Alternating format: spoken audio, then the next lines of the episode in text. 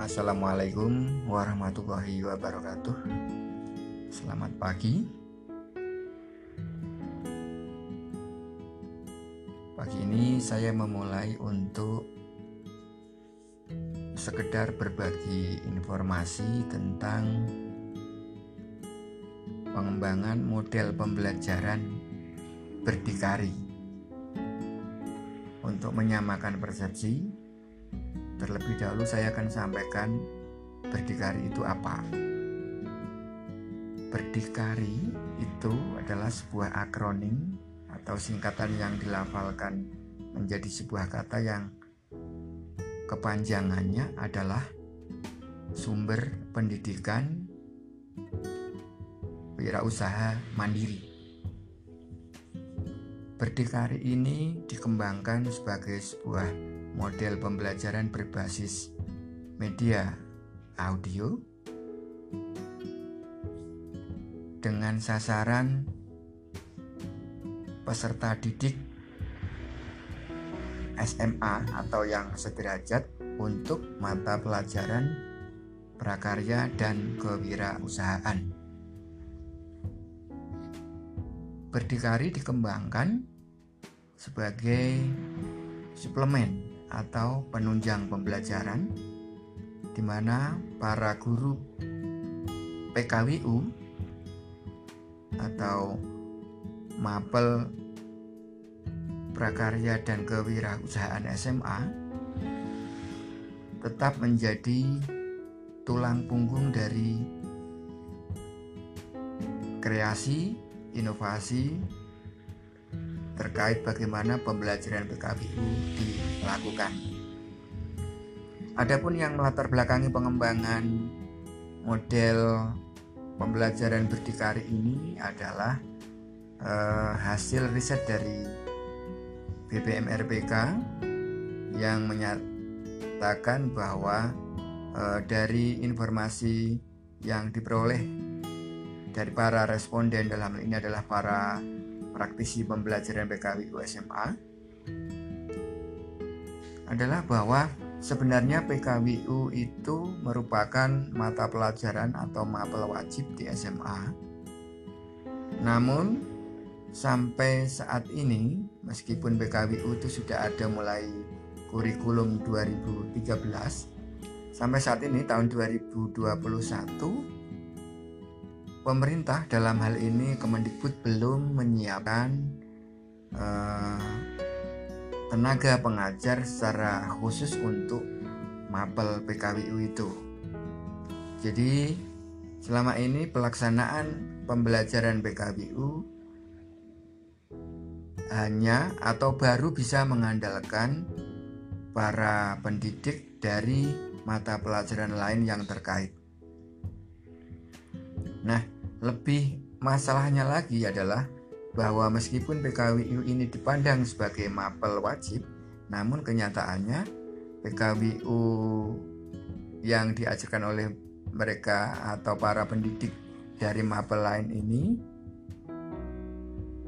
diberikan kepada yang bersangkutan, kepada pendidik yang bersangkutan sebagai bentuk pemenuhan dari e, kuota mengajar selama 24 jam yang itu juga tidak atau belum berlaku bagi seluruh pendidik. Artinya hanya pendidik dari mapel-mapel ter tertentu yang bisa uh, memanfaatkan atau memperoleh manfaat dari mengajar PKBU kalau mereka ditugaskan. Nah, oleh karena itu berlatar belakang bahwa PKBU yang sebenarnya saat ini uh, menja harapannya menjadi tulang punggung dari pembelajaran karena kita tahu pasti bahwa uh, salah satu tujuan pendidikan itu adalah pemandirian, maka BKWU menjadi sangat penting.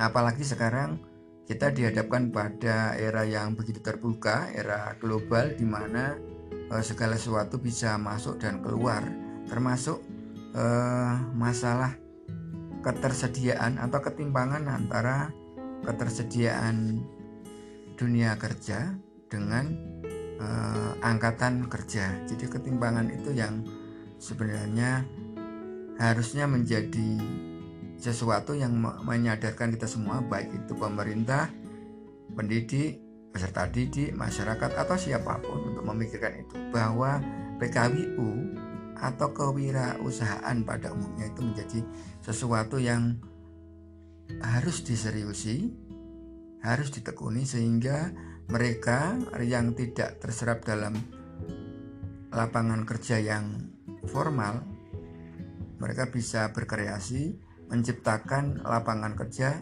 bagi dirinya sendiri dan syukur-syukur kalau bisa menciptakan lapangan kerja bagi orang lain yang produktif. Nah, di situlah letak pentingnya eh, PKWU.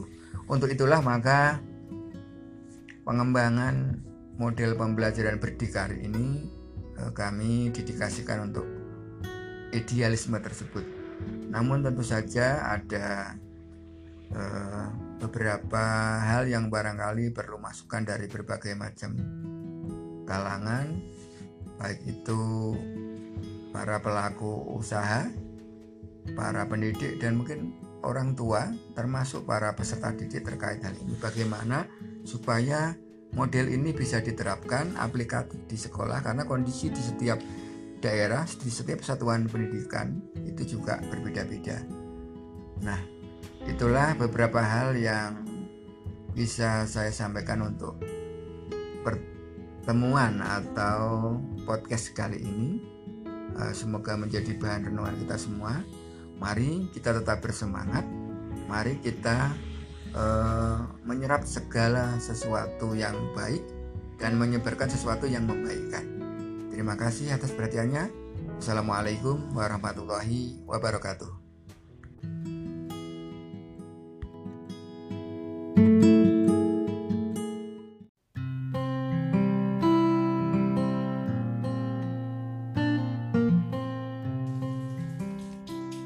Aku Bisa, audio kumpulan pembinaan bahasa Indonesia. Sahabat pintar, selamat berjumpa dengan program Aku Bisa, audio kumpulan pembinaan bahasa Indonesia. Program ini bertujuan untuk meningkatkan penggunaan bahasa Indonesia sesuai pedoman umum ejaan bahasa Indonesia atau PUEBI yang berlaku.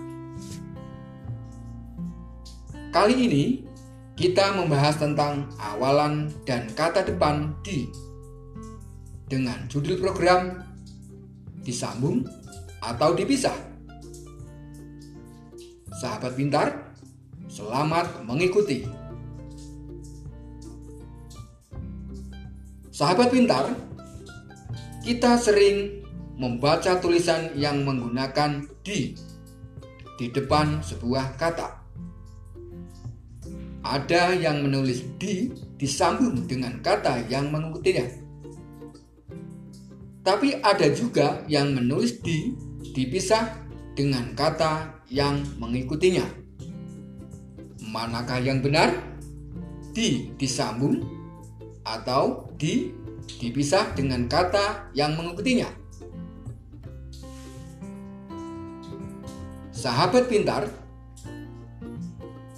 kita sering membaca tulisan dibaca, ditulis, diterima, di rumah, di sekolah, di sawah, dan lain-lain yang oleh penulisnya ada yang disambung dan ada pula yang dipisah. Mana penulisan yang benar? Sahabat pintar, di dalam WebI, di memiliki dua fungsi berbeda. Ada di sebagai awalan dan ada pula di sebagai kata depan. Di sebagai awalan, penulisannya disambung dengan kata yang mengikutinya. Contohnya, dibaca ditulis, diterima, dan lain-lain. Di yang diikuti oleh kata kerja seperti baca, tulis, terima, penulisannya harus digabung. Sehingga menjadi dibaca, ditulis, diterima, dan lain-lain. Di sebagai kata depan, penulisannya dipisah dari kata yang mengikutinya. Contohnya, di rumah, di sekolah, di sawah, dan lain-lain.